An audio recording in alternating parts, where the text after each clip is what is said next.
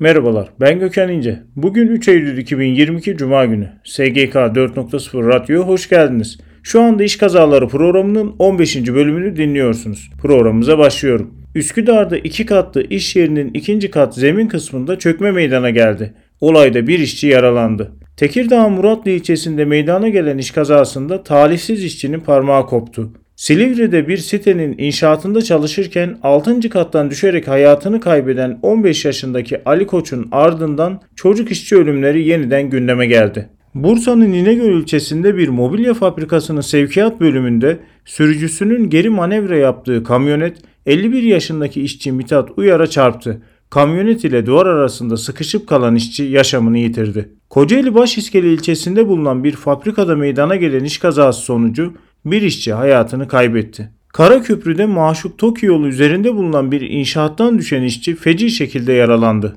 Erzurum'da kamulaştırma çalışmaları çerçevesinde yapılan çalışmalarda yolun çökmesi sonucu iş makinesi yan yattı. Konteynerin forkliftin üzerine düşmesi sonucu operatör yaralandı. Uşak'ta meydana gelen iş kazasında bir işçi hayatını kaybetti. İstanbul Tuzla'da çalıştığı tersanede geçirdiği kaza sonucu bir kişi hayatını kaybetti. Ben Gökhan İnce. SGK 4.0 Radyo'da İş Kazaları programının 15. bölümünü dinlediniz. Programımızda Türkiye genelinde meydana gelen iş kazalarına başlıklar halinde yer verdik. Programımızda yer verdiğimiz iş kazalarının detaylarını e-posta bültenlerimizde bulabilirsiniz. E-posta bültenlerimizi görüntüleyebilmek ve üye olabilmek için internet sitemizi veya LinkedIn hesabımızı ziyaret edebilirsiniz. Bir sonraki yayında görüşmek üzere.